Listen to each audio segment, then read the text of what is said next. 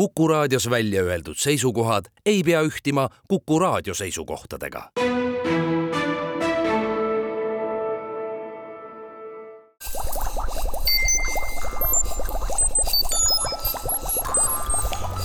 kukkuv õun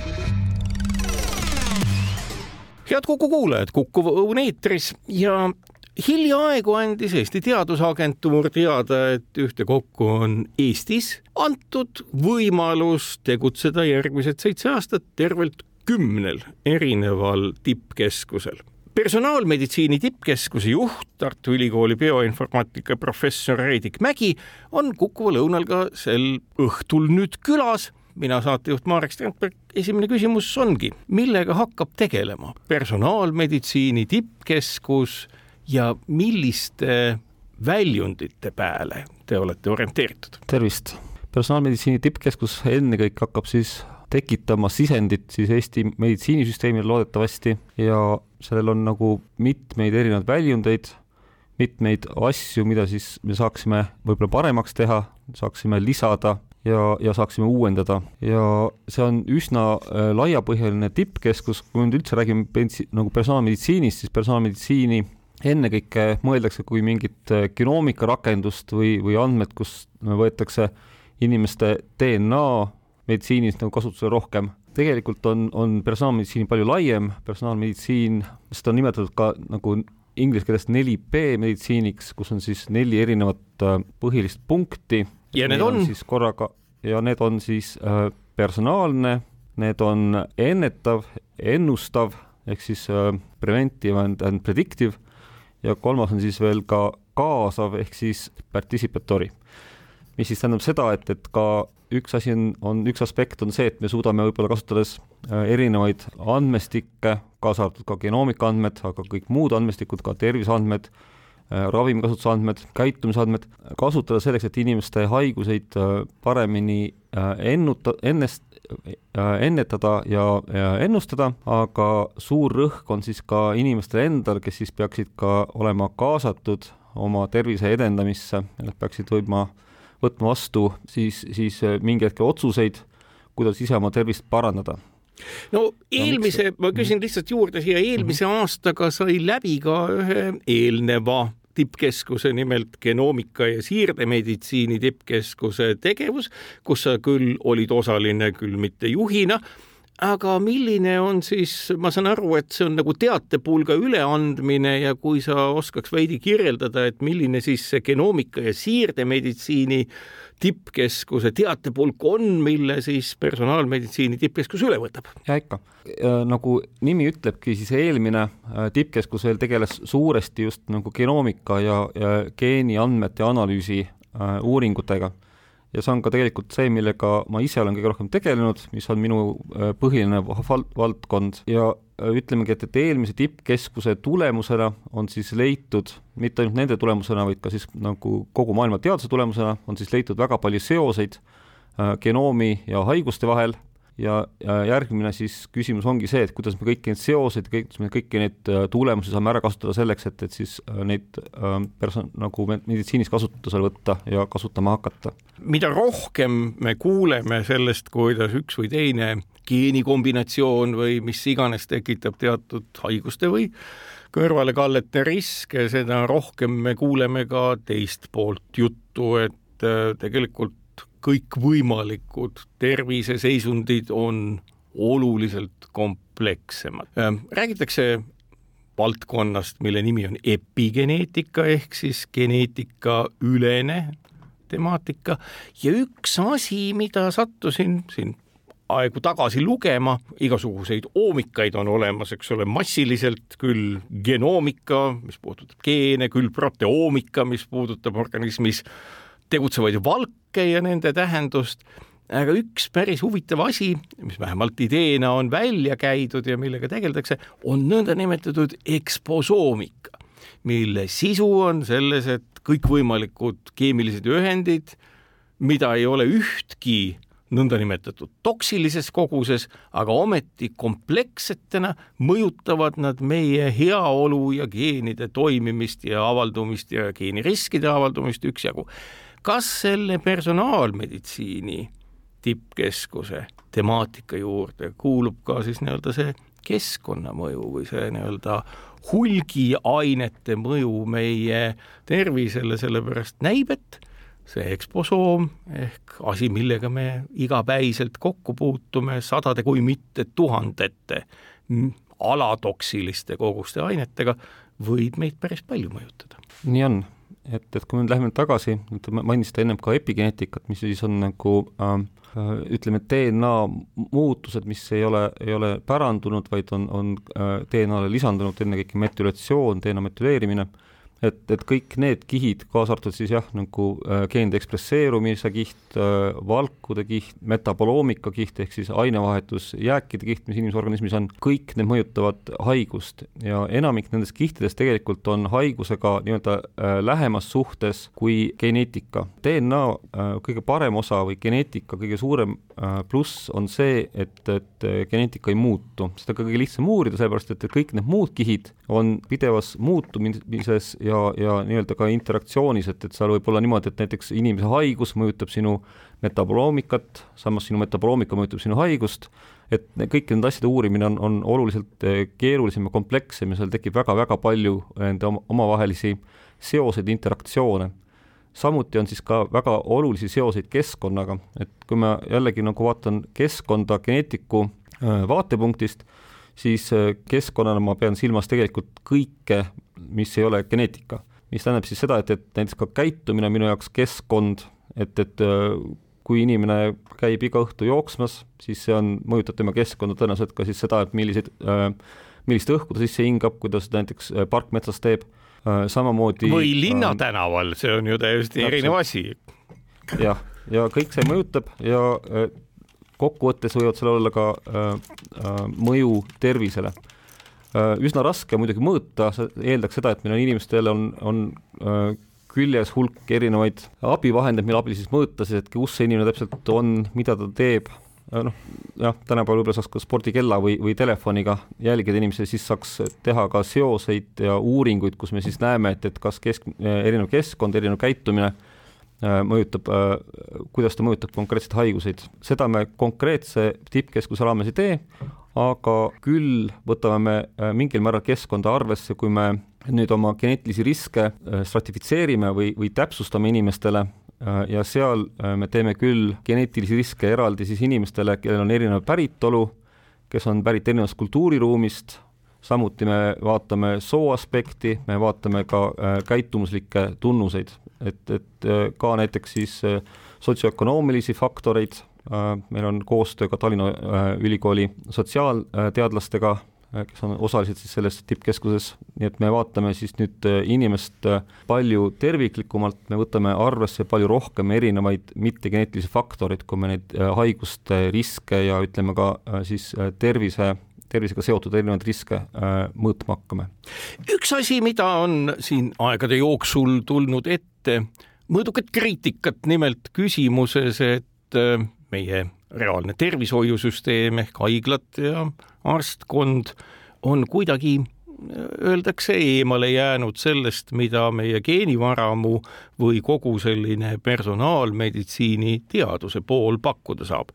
ja mõnes mõttes on nagu lõhegi kliiniliste geneetikute ja siis teaduslikult kogu seda temaatikat uurivate bioinformaatikute, geneetikute ja nii edasi vahel, sellepärast et konkreetne patsient võib olla isegi juhul, kui ta on näiteks geenivaramu oma genomi annetanud, on sellest jäänud ikkagi üsna eemale nende andmete kasutamised. millised, ma saan aru, et need on täiesti konkreetsed administratiivsed või isegi õiguslikud muutused, mida Eesti ühiskonnas ette peaks võtma, aga milliseid plaane selles osas on kavandatud, et meditsiinisüsteem ja meie noh, nii-öelda elu ja tervis, eelkõige tervis, äh, saaks enim abi sellest äh, tippkeskusest. selle tippkeskuse raames on meil koostöö ka nüüd erinevate arstidega, ma ise olen kõige tihedamalt seotud siis Tartu Ülikooli Kliinikumi personaalmeditsiini ja geneetika osakonnaga ja Sander, äh, doktor Sander Pajusaluga, kus siis püütaksegi nüüd võtta sedasama personaalmeditsiini kliiniliselt kasutusse ja selle raames siis see ei ole päris niimoodi, et me saame kõiki haiguseid ütleme, ennetada, ennustada kuidagi paremini ravida, et, et tihtilugu käivad sellised uuringud järk-järgult, me teeme iga haiguse jaoks võib-olla parima mudeli või mõtleme, et mida konkreetse haiguse puhul personaalmeditsiin saaks pakkuda, mida saaks pakkuda genoomika, võib-olla mingid muud mudelid ja vastavalt sellele siis me proovime neid järk-järgult võtta kasutusele, et, et tõepoolest, et geenivaramu on olnud võib-olla natuke liiga optimistlik, lootuses, et me saame hakata äh, äh geendoonoritele äh, tagasi andma infot väga paljude asjade kohta, ent, ent ka seal nüüd on lootust, et, et me läbi siis võib-olla geenidoonorite portaali üks hetk ja ka siis koostöös arstidega saame erinevate haiguste puhul uusi, ütleme, ennetus- ja ennustusmudeleid võtta töösse ja samuti saame parandada siis meditsiini või meditsiini kättesaadavust või siis nii-öelda inimeste tervist üldisemalt konkreetsete haiguste jaoks. Selles tippkeskuses meil on tegelikult äh, kaks äh, pilootprojekti, üks on siis seotud äh, varajase parkinsonismi, parkinsonismi avastamisega ja, ja siis varajase diagnoosimisega ning teine on siis seotud südamehaiguste ennetamisega siis võib-olla varasema kolesterooli alandavate ravimite manustamisega, mis siis ka võiks inimestele Äh, lisada siis tervena elatud aastaid ja, ja, ja äh, lubada neil, neil haigust kas edasi lükata või siis, või siis mingil määral vältida. no üks asi, mida ma taas lugenud ja ma ei kujuta ette, kui suurt tähendust see äh, ütleme sellises personaalmeditsiinis ja haiguste põhjuse valdkonnas omab, aga üks asi, mis on olnud aegade jooksul küllaltki edukas, või võtame kas või ajuuuringute valdkonnas küllaltki edukas, on ikkagi iga konkreetse raku või organsüsteemi konkreetne siis nii-öelda valkude kombinatsioon, mida kindlal ajahetkel sünteesitakse, ehk DNA asemel, nagu ma aru saan, siis RNA kaardistamine, milline on aktiivne nii-öelda osa pärilikkusainest, mis sünteesivad valke. nii püütakse kaardistada näiteks haigeid organsüsteeme, olgu tegemist veresoonte või muude asjadega, ja kuna RNA, nagu ma aru saan, on üsna kiirelt lagunev, on see küllaltki komplitseeritud töö, mida on vaja teha. kas ka sellist üldistust on plaanis siis sellesama personaalmeditsiini tippkeskuse raames tegelema, tegema hakata, kuna kogemus ju pärilikkusaine kogumisel, analüüsimisel on olemas ja mm, ainukene nii-öelda erinevus ongi see, et RNA-ga tuleb tegeleda väga kiiresti ja kas sealt on ka loota midagi või see on kellegi teise pärusmaaks jäetud? hetkel meil RNA analüüse plaanis ei ole RNA-dega puhul tõesti on see, et, et need proovid, mis meil on kogutud geenidonnoritelt, RNA analüüsimiseks ei sobi, sest et neid proove tuleb käidelda teistmoodi, need vajavad väga-väga kiiret äh, külmutamist, selleks, et, et neid RNA, RNA-sid kätte saada ja, ja, ja seda mõistlikult äh, sekveneerida või, või lugeda. küll aga on meil plaanis äh, kasutada äh, rakuvaba DNA äh, analüüsi äh,, meil on kaks erinevat äh,, me loome nagu uusi biomarkerid, üks neist oleks rakvaba DNA, kus me siis mõõdaksime nii äh, DNA-d kui ka siis äh, epigeneetikat, kus me vaataksime ka siis rakvaba DNA metülatsioonimustreid, mis annaks meile informatsiooni, kust see rakvaba DNA pärineb. ja seal meil plaanis kaks erinevat suunda üks on siis äh, looteuuringud, kasutades siis äh, loote DNA-d, mis on ema vereringes, mis on üsnagi mitteinvasiivne, me saame lihtsalt ema vereproovist ka kontrollida lapse äh, DNA-d et ega seal ei ole mingisuguseid mm, geneetilisi vigu. Ja teine asi on siis äh, vähirakkude tuvastamine vereringest, et, et see on ka meetod, mis aitab meil tuvastada äh, vähki väga varakult ja kasutades siis nüüd seda epigeneetilist mustrit, mis nendes äh,, selles rakvaba, rakvabas DNA-s on, me saame ka näha, et millisest koest see konkreetne vähi DNA pärineb, mis aitab meil siis ka leida selle nii-öelda vähi algkohta või, või kohta, kust ta pärit on mis on siis ka üks, üks äh, meetodist jällegi, mis võimaldaks meil vara, varajast diagnostikat ja leida üles äh, inimesi, keda äh, vähk, kellel nagu üks hetk vähk tekkima hakkab või, või juba on tekkimas, aga mida me praegu veel ei suuda tuvastada. kas need meetodid, mida just kõne kirjeldasid, on juba olemas või need eeldavad teaduslikku uuringut, et see meetod nii-öelda täpseks ja toimivaks teha või küsimus ongi selles, et kasutusse võtta parim mis olemas ja muuta see massiliselt rakendatuks ja siis sellest informatsioonibaasist tuletada siis vajalik info ja teadmised patsientide jaoks. meetodid on olemas, aga nende rakendamine, nende nii-öelda töövoogude äh, ülesseadmine, samus, samuti nagu siis nende spetsiifilisuse ja, ja, ja nagu detekteerimisheaduse testimine on kõik need tööd, mida me siis selle töö raames viime läbi, et, et jah, Rakoba DNA-d on loomulikult juba ka ennem uuritud äh, erinevates äh, rakendustes aga see, kuidas me saaksime seda nagu meditsiinisüsteemis kasutusele võtta, see vajab siis nagu täpsemat uuringut, et me nagu saaksimegi anda välja protokolli, mille alusel siis saaks äh, üht või teist konkreetset rakendust hakata kasutama kliinikumis. siinkohal teeme saatesse väikese pausi ja kuulake meid pärast vaheaega edasi. Kukkuv õun head kuulajad, Kuku Õun jätkub. külas Reidik Mägi, Tartu Ülikooli bioinformaatika professor, kes on ühtlasi ka äsja rahastada otsustatud personaalmeditsiini tippkeskuse juhiks, mina saatejuht Marek Strandberg ja rahastusest veidi ka kõneleme nüüd edasi. kümnele keskusele seitse miljonit igale ühele järgnevaks seitsmeks aastaks ühtpidi ju suur number või arv õigemini, aga teistpidi, kui mõtlema hakata, siis äh, mitte väga, pidades silmas küll inflatsiooni ja kõike muud.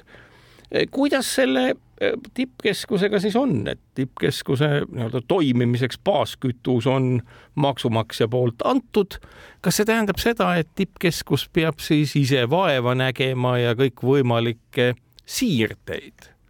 teistesse projektidesse, rahataotlustesse aina juurde tekitama selleks, et nii-öelda kasv oleks viljakas ja tulemused väärt. jah, et, tippkeskuse raha tegelikult, ta kõlab küll uhkelt ja suurelt, aga tegelikult ta ei ole nii hirmus suur, see seitse miljonit, mis igale tippkeskusele eraldatakse, eraldatakse seitsme aasta jooksul, mis tähendab, iga tippkeskuse eelarve on, on miljon aastas, meie tippkeskusel on äh, väga palju partnereid, mitte väga palju, aga mitmeid partnereid, nii et, et kokkuvõttes siis see äh, summa äh, ei ole kohutavalt suur, ta on, küll on ta aga vägagi abiks. Ja ennekõike siis tippkeskus aitabki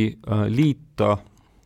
erinevaid äh, inimesi või, või teadlasi, kes äh, sarnaselt mõtlevad, äh, sarnasel teemal töötavad, ta aitab luua siis uusi koostööprojekte ja sidemeid ja nende projektide raames siis on ka meil plaanis küsida lisarahastust, siis loodetavasti rohkem Euroopa Liidu erinevatest raamprogrammidest selleks, et, et äh, tippkeskus ei oleks äh, asi iseeneses, vaid, vaid ta äh, viiks kuhugi kaugemale ja, ja kõrgemale. no meditsiin on,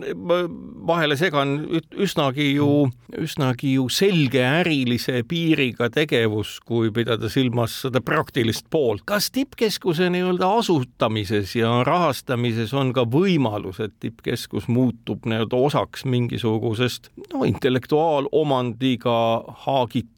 majandusettevõttest, võtmisest ja muutub selliseks kasvavaks lumepalliks või sellised võimalused on seal välditud? ei ole välditud ja tegelikult äh, see on ka äh, üks tippkeskuse eesmärkidest ongi, et selleks tekiks äh, erinevaid väljundeid, mis siis,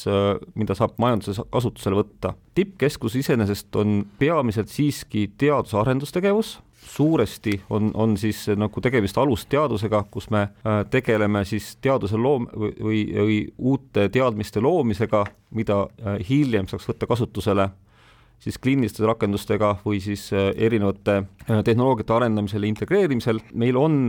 jah, mõned pilootprojektid ja ka on meile seatud eesmärgiks, et, et sellest tippkeskusest peab tulema sisendid siis erinevatele kas siis riiklikele või eraettevõtetele, kes siis saaks seda kasutada mm, edaspidi äh, teaduspõhises äh, majanduses. Ja loomulikult jah, ka, et meie meditsiinisüsteem sellest saaks kasu ja võib-olla on ka midagi, mida siis meie meditsiinisüsteemist hiljem saaks teised meditsiinisüsteemid omakorda üle võtta. kui sul on selline, kui sul on selline fantaasia olemas või arvamus või hoiak, et nagu see peab juhtuma, kas sa oskad kirjeldada ka seda valdkonda, kus see võiks kõige tõenäolisemalt või kui seda ei ole veel teada, mis sa ise tunned, et on kõige tõenäolisem koht, kust selline uus ettevõtlus tekkida võiks kas või pidades silmas, et kuulajate hulgas ilmselt nii mõnigi huviline, kes äkki ka investeerimist tahab läbi viia neis valdades või lihtsalt põnevil kuulab, et mis siis meid ees ootab. peaasjalikult võiks siit tippkeskuses tekkida siis uusi äh, kliiniliste otsuste tugisüsteeme äh,, rakendusi, mis oleks võib-olla siis suunatud äh, kas haiglatele või patsientidele, erinevate haiguste riskimudeleid, mida saaks ka praktikas võtta kasutusele ja ka siis kõike, mis seondub näiteks kas või patsientide koolitamisega, mis siis võib-olla ei ole mitte niivõrd eraettevõtlus, vaid rohkem on siis niisugune äh, riiklik äh, suund või, või äh, riiklik tellimus või riiklik vajadus, erinevate infrastruktuuri loomise äh, aspektid, kus me siis äh, äh loome äh,, tekitame võib-olla äh, võimalusi uute biomarkerite kasutuselevõtuks, nende biomarkerite arendus, äh, me, meie enda tippkeskuses on kaks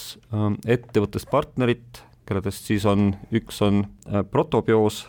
mis on siis äh, firma, mis tegeleb immunoloogiaga ja siis äh, immunoprofiilidega ning teiseks on siis Tervisetehnoloogiate Arenduskeskus, mis siis eel, eelnevalt oli repro-, reproduktiivmeditsiini tipp, teadus-arenduskeskus, et need kaks partnerit on kindlasti väga huvitatud just siis juba ähm, uute nii-öelda nagu majandusvõimaluste otsimisest või, või äritegevuse laiendamisest või, või uutest tulemustest, mis tulenevad äh, selle tippkeskuse tulemuste põhjal. kliiniliste otsuste juurde oli hea jõuda, äh, mõttes, et äh, nüüd juba aasta ja kuugi tagasi äh,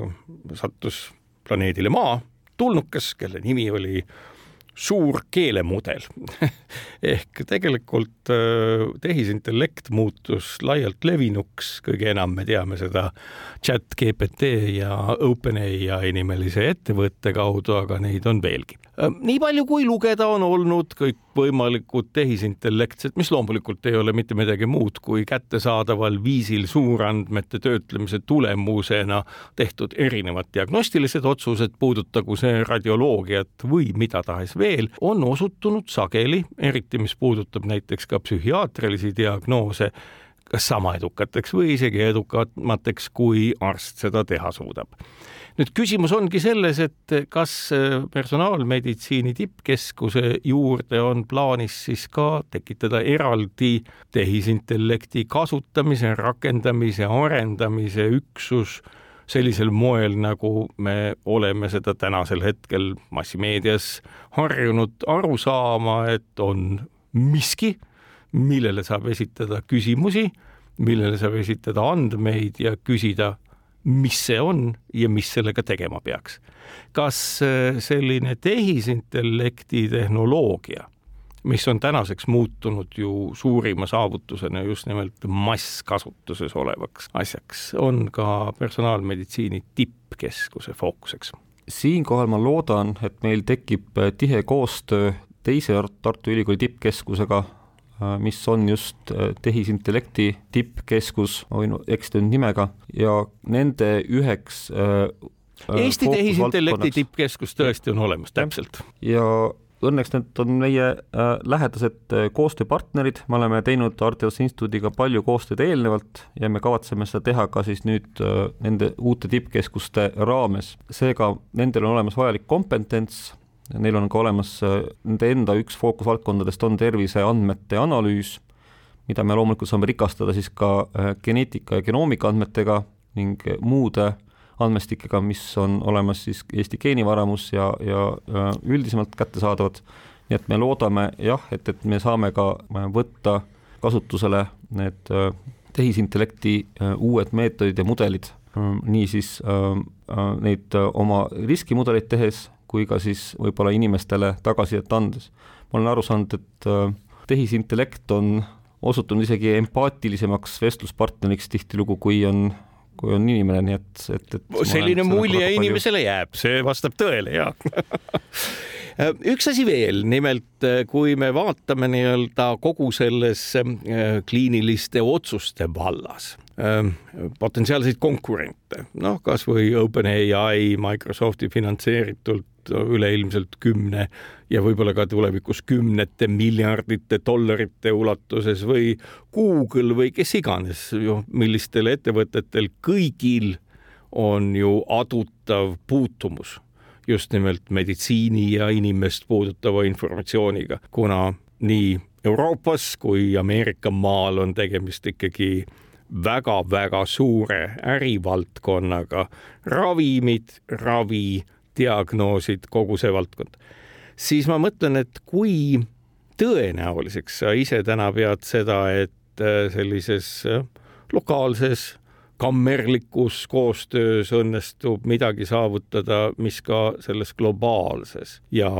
mõnes mõttes ju rahast üle ujutatud valdkonnas osutub selliseks, et seda tähele pandaks ja võib-olla ka mingit ettevõtlust selle pealt üles ehitada saab. Eesti eeliseks on see, et, et Eestis on väga äh, digitaliseeritud ühiskond, meil on väga-väga palju registreid ja väga palju andmeid on äh, juba digitaliseeritud, mis tähendab seda, et, et, et äh, tegelikult on meil selles mõttes tegemist suurepärase lähtekohaga oma andmete analüüsiks. meil on üks tervisesüsteem, meil on üsnagi praegusel hetkel veel üks rahastaja tervishoiusüsteemil, meil on andmed, mis lähevad kokku siis e-tervisesse,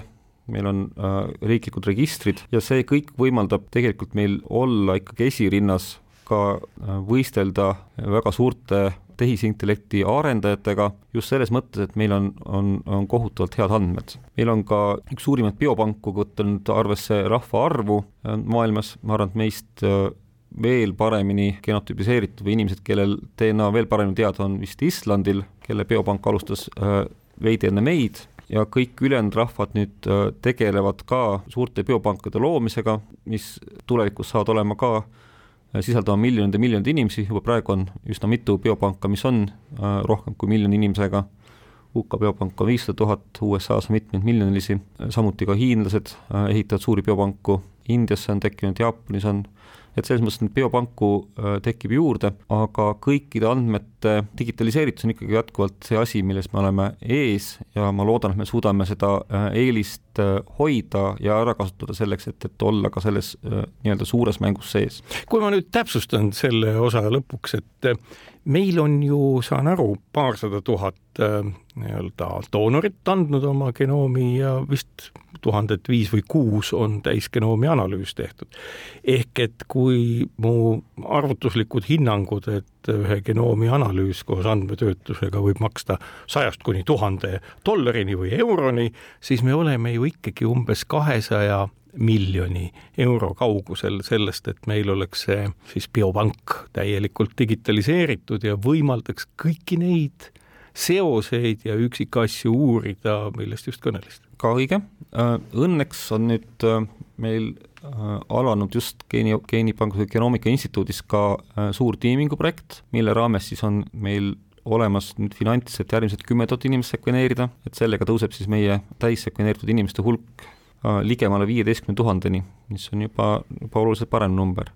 Lisaks on meil kõikidele inimestele tehtud äh, genotüpiseerimine ehk siis geenikaart, mis ei ole nüüd nii kõikehõlmav, kui on äh, sekveneerimisandmed, kus siis on kõik äh, inimese kogu DNA teada, vaid on teada siis mõned nii-öelda punktid, täpsemalt siis mõnisada punkti, kasutades nüüd neid sekveneeritud inimesi, kellel on siis kogu DNA teada, saame me ka ennustada ülejäänud inimeste äh, nii-öelda sagedasi geneetilisi variante, mille põhjal me saame teha äh, niisuguste tavalisemate haiguste mm, riskiarvutusi. me ei tea neil arvumutatsioone, näiteks äh, erinevaid olulise kliinilise mõjuga mutatsioone, nagu näiteks rinnavähki mõjutavad BRCA mutatsioonid ja, ja muud haaravad variandid, küll aga me saame äh, Äh, sagedaste variantide kohta äh, päris palju informatsiooni, mis tegelikult äh, annab meile ka üsna hea pildi selliste tavaliste komplekssete haiguste geeniriskist. siinkohal teeme saatesse vaikse pausi, kuulake meid pärast vaheaega edasi.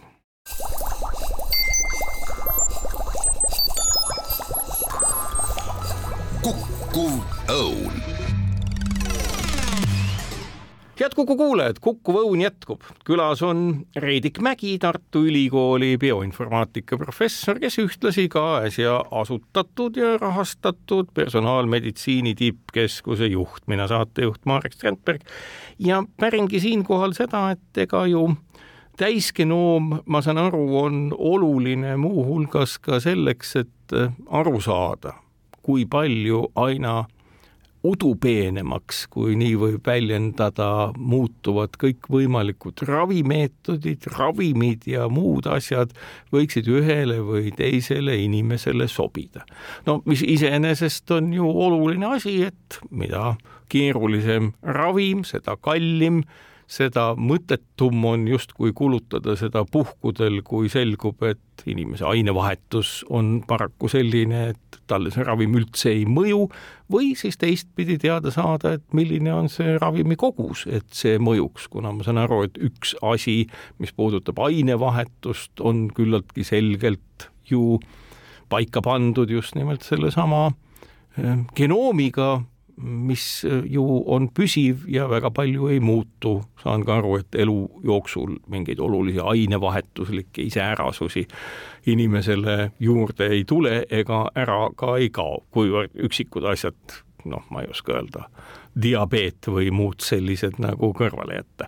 siis kui palju, kas keegi on nagu hinnanud, et kui palju näiteks sellise äh, täisgenoomi kasutuse puhul see efekt võiks olla, et kui palju neid selliseid aina udupeenemaid ravivõtteid nagu meile lisandunud ja kasutuses on, millega me saaksime tõepoolest personaalselt ja täpselt üht või teist raviskeemi paika panna. sellega ehk siis farmakogeneetikaga tegeleb meil ennekõike professor Lili Milani äh, juhitav töögrupp, see on tegelikult ka üks nendest headest valdkondadest, kus siis personaalmeditsiin või ütleme, genoomi kasutuselevõtt aitab oluliselt parandada siis nagu tänapäeva meditsiini. mingid mõnede äh, väga nii-öelda udupeenete ravimite puhul või näiteks ka on, äh, tehakse äh, sekveneerimist juba praegu, näiteks mõnede vähkide puhul, kui tuleb kindlaks teha täpne vähitüüp, selleks, et teada, kas konkreetne ravim mõjutab seda või mitte, aga väga suurele hulgale inimestele igapäevaselt, mitte igapäevaselt, aga ütleme nagu välja andes ravimeid või välja kirjutades ravimeid, saame me geneetilisest infost kasu, ma võin nüüd protsentiga eksida, aga, aga ikkagi ma saan aru, et enamikule inimestele või üle viiekümne protsendile inimestele me saame anda vähemalt mingit infot nende geenide põhjal, et kas mingi konkreetse ravimi annust tuleks suurendada või vähendada, et see oleks neile personaalne või siis äh, mõni kindel ravim ei sobi neile üldse, põhjustades siis äh, kõrvalnähte. lisaks siis äh, genoomile on nüüd ka üks uus huvitav suund on, kus me uurime ka mikrobiomi mõju samamoodi siis ravimitele ja proovimegi kindlaks teha, et, et milline konkreetne mikrobioom siis või kuidas see avaldab mõju samamoodi äh, ravimite lagundamisele ja nende, nende kasutuse, kasutamisele organismi poolt, nii et, et tegelikult ei ole siis ka nüüd jälle ainult äh, teie enda DNA, vaid ka teie äh, mikrobioom võib olla siis üks mõjutajatest, mis mõjutab tegelikult seda, kuidas ja milliseid ravimeid peaks inimene võtma. seda ma olen mõelnud mitu korda, et huvitav, et kas ka kõik need kakssada tuhat inimest, kes on annetanud oma siis veretilgad äh, äh, geenivaramu jaoks, et kas nendele võiks mingil hetkel saabuda ka palve oma väljaheiteproov saata, et sellest nii-öelda mikrobiomist, mis nagu me aru saame, on väga muutlik ja muutub iga kord, kui järjekordne antibiootikumi kuur on läbi viidud, aga vaatamata sellele, kas midagi sellist on teil plaanis? me teeme seda juba, et, et meil on olemas, kui ma ei eksi, siis viie tuhande inimese äh, mikrobioomi proovid ja me kogume neid juurde erinevate projektide raames, meil ei ole rahastust, et seda kõikidelt korraga teha ja ka, et, et, et erinevalt DNA-st on siis iga erinev ajapunkt on olulisi, annab uut olulist informatsiooni, et seega me ei tee seda äh, üldiselt kõigi kohta, aga me teeme seda äh, sellises mahus, nagu me vähegi suudame. kui tohib oma uudishimu äh, rahuldada, et kas siis selle nii-öelda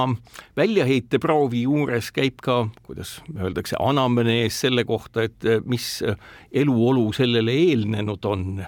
millal viimati antibiootikume tarvitati ja nii edasi? jaa, äh, meil on olemas informatsioon ka inimeste ravimi tarvitamise kohta, et seega me saame täpselt vaadata, et, et kui, äh, kuna ja millised ravimid on inimene võtnud äh, eelnevalt ja ka tegelikult järgnevalt. me oleme uurinud ka seda, et milline ravim inimesele sobib või ei sobi, aga seda me ei saa teha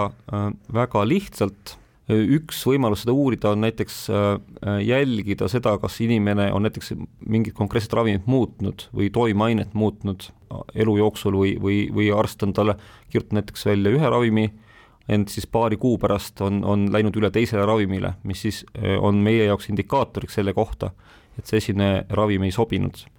et kõike seda infot me oleme proovinud kasutada ka siis äh, selleks, et, et äh, paremini mõista, kas ja milline ravim inimesele sobib või mitte. nüüd äh, ravimitest veel ja personaalmeditsiinist selles mõttes, et noh, inimene liigina on ka ju üsna personaalne, erineb teistest liikidest ja loomadest väga palju,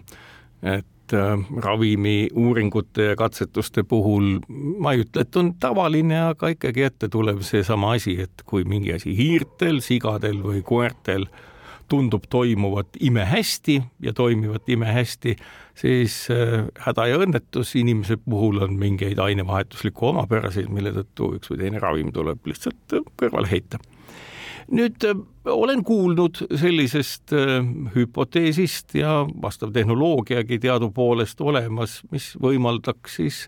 ehitada kuna noh, nii-öelda ma saan aru, et genoomi põhjal on võimalik ju kõikvõimalikke kudesid kasvatada ja katta nendega erinevate mikroreaktorite sisepindu ja siis tekitada nii-öelda inimese mudel selleks, et testida oluliselt taskukohasemalt, odavamalt ja kiiremini ja loomi kahjustamata eetilises ja, ja, ja füüsilises mõttes siis erinevaid ravimeid kas ka see plaan, kuna see tundub olevat väga selline perspektiivne mõte, millest ma olen lugenud, võiks olla või on teie selle personaalmeditsiini tippkeskuse üheks osaks, seda enam, et ju Eestis on päris mitmeid ettevõtteid, mille ambitsioonikski kujuneda ravimitootjaks. see on jällegi väga spetsiifiline asi, kui me räägime siis nii-öelda inimese äh, mudelist siis äh, ennekõike me kasutame äh, inimese digitaalset mudelit, mis on siis andmekogum, mis kirjeldab inimest. suur osa meie tööst on ikkagi jätkuvalt äh, arvutitöö ja in silico töö, mis tähendab seda, et, et meie kõik meie mudelid, meie arvutused põhinevad siis andmekogudel ja, ja inimese nii-öelda digitaalsel teisikul, mis siis ka võimaldab meil väga paljusid asju testida ilma, et, et me siis läheksime päriselt inimese peale seda katsetama või, või, või mõne äh, mudellooma või, või, või nii-öelda tekitatud rakku või, või tekitatud koe peal. meie selles äh, uuringus ei ole plaanis küll sedasorti asju teha, aga me loodame, et, et meie töö jällegi annab mingil määral sisendit. on näiteks leitud ka seda, et, et äh, need ravimid, äh, mida on välja töötatud, kasutades äh, inimese genoomi andmeid või, või ütleme, ülegenoomsete seoste uuringute tulemusi, nende ravimikatsetused on olnud eh, oluliselt edukamad kui need ravimid, mis on siis eh, mingitel muudel alustel valitud konkreetsete haiguste nii-öelda märklauaks või, või, või, või eh, ravimeetodiks. nii et meie tulemused, kuigi küll digitaalsed ja kuigi küll nagu oluliselt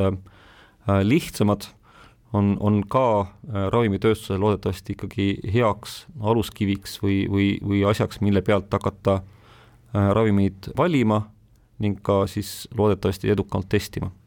mis on su enda jaoks, ütleme, kui see seitse aastat läbi saab, kõige selline suurem lootus või ootus või noh, ikka on alati ju mingisuguseid küsimusi, mis kripeldavad, et ei tea, kas läheb nii või naa, et mis on selline nii-öelda suurim või mõned suurimad, suurematest äh, plaanidest, mille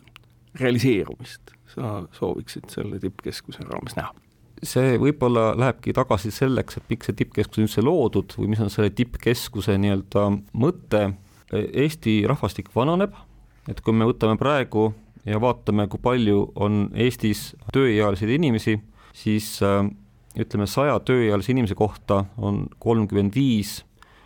äh, vanemat inimest ja see arv aina kasvab, nii et kahekümne aasta pärast on neid inimesi saja tööealise inimese kohta juba nelikümmend kaheksa mis tähendab seda, et, et meil on väga palju inimesi, kes on äh, eakad, kellel tekib palju ja erinevaid äh, terviseprobleeme ja meie põhiliseks ootuseks ja lootuseks ongi see, et need inimesed püsiksid kauem terved püsiksid võib-olla kauem tööturul ja samuti nad naudiksid ja elaksid neid aastaid kauem ilma, et need vajaksid väga olulist meditsiinilist abi ja hoolt. ja üks asi, millega me siis proovimegi tegeleda ja mida ma loodan, et, et saab olema ka siis äh, selle tippkeskuse üheks nagu läbivaks teemaks, on siis inimeste kaasamine, kus me siis koostöös äh, sotsiaalteadlastega proovime äh, aru saada, et, et millega on inimesed ise nõus panustama oma tervise heaks. Et me võime proovida neile seletada või selgitada, et, et inimkond vananeb, arstiabi kättesaadavus võib selle läbi minna keerulisemaks sest ka tööealisi arste jääb siis nagu protsentuaalselt vähemaks. seega siis inimene peab ise võtma suurema vastutuse oma tervise hoidmisel, suurema kohustuse, võib-olla äh, ennast hoida tervena, sest et äh, äh, lõppude lõpuks me kõik tahame saada head arstiabi, me tahame olla terved ja selleks, et, et meie meditsiinisüsteemile ei langeks üle jõu käiv koorem siis meid huvitabki see, et, et mida ja kuidas on inimesed nõus äh, ise äh, enda tervise tegemiseks tegema, millega, millise nii-öelda ühiskondliku leppega nad oleksid nõus. kas siis pigem peaks see käima läbi keeldude või, või suhkurmaksude ja nii-öelda karistuste või siis pigem tekitades rohkem sportimisvõimalusi, kasvatades inimesi rohkem äh, tervislike eluviiside peale, populariseerides seda, seda sorti asju et, et kuidas siis saada äh, inimesed äh, tervemaks järgnevate aastate jooksul. meie tippkeskuse üheks eesmärgiks olekski anda sisendit Eesti ühiskonnale ja, ja valitsusele, kuidas siis liikuda edasi, mis on need meetmed ja mis on need parimad viisid, kuidas inimesi hoida tervena aitäh, Reidik Mägi, et said tulla kõnelema Kukuvasse õuna personaalmeditsiini tippkeskusest, mille juht Reidik Mägi on. sellega on Kukuva õuna saade läbi, kuulake meid jälle nädala pärast ja kaunist päeva teile. kukkuv õun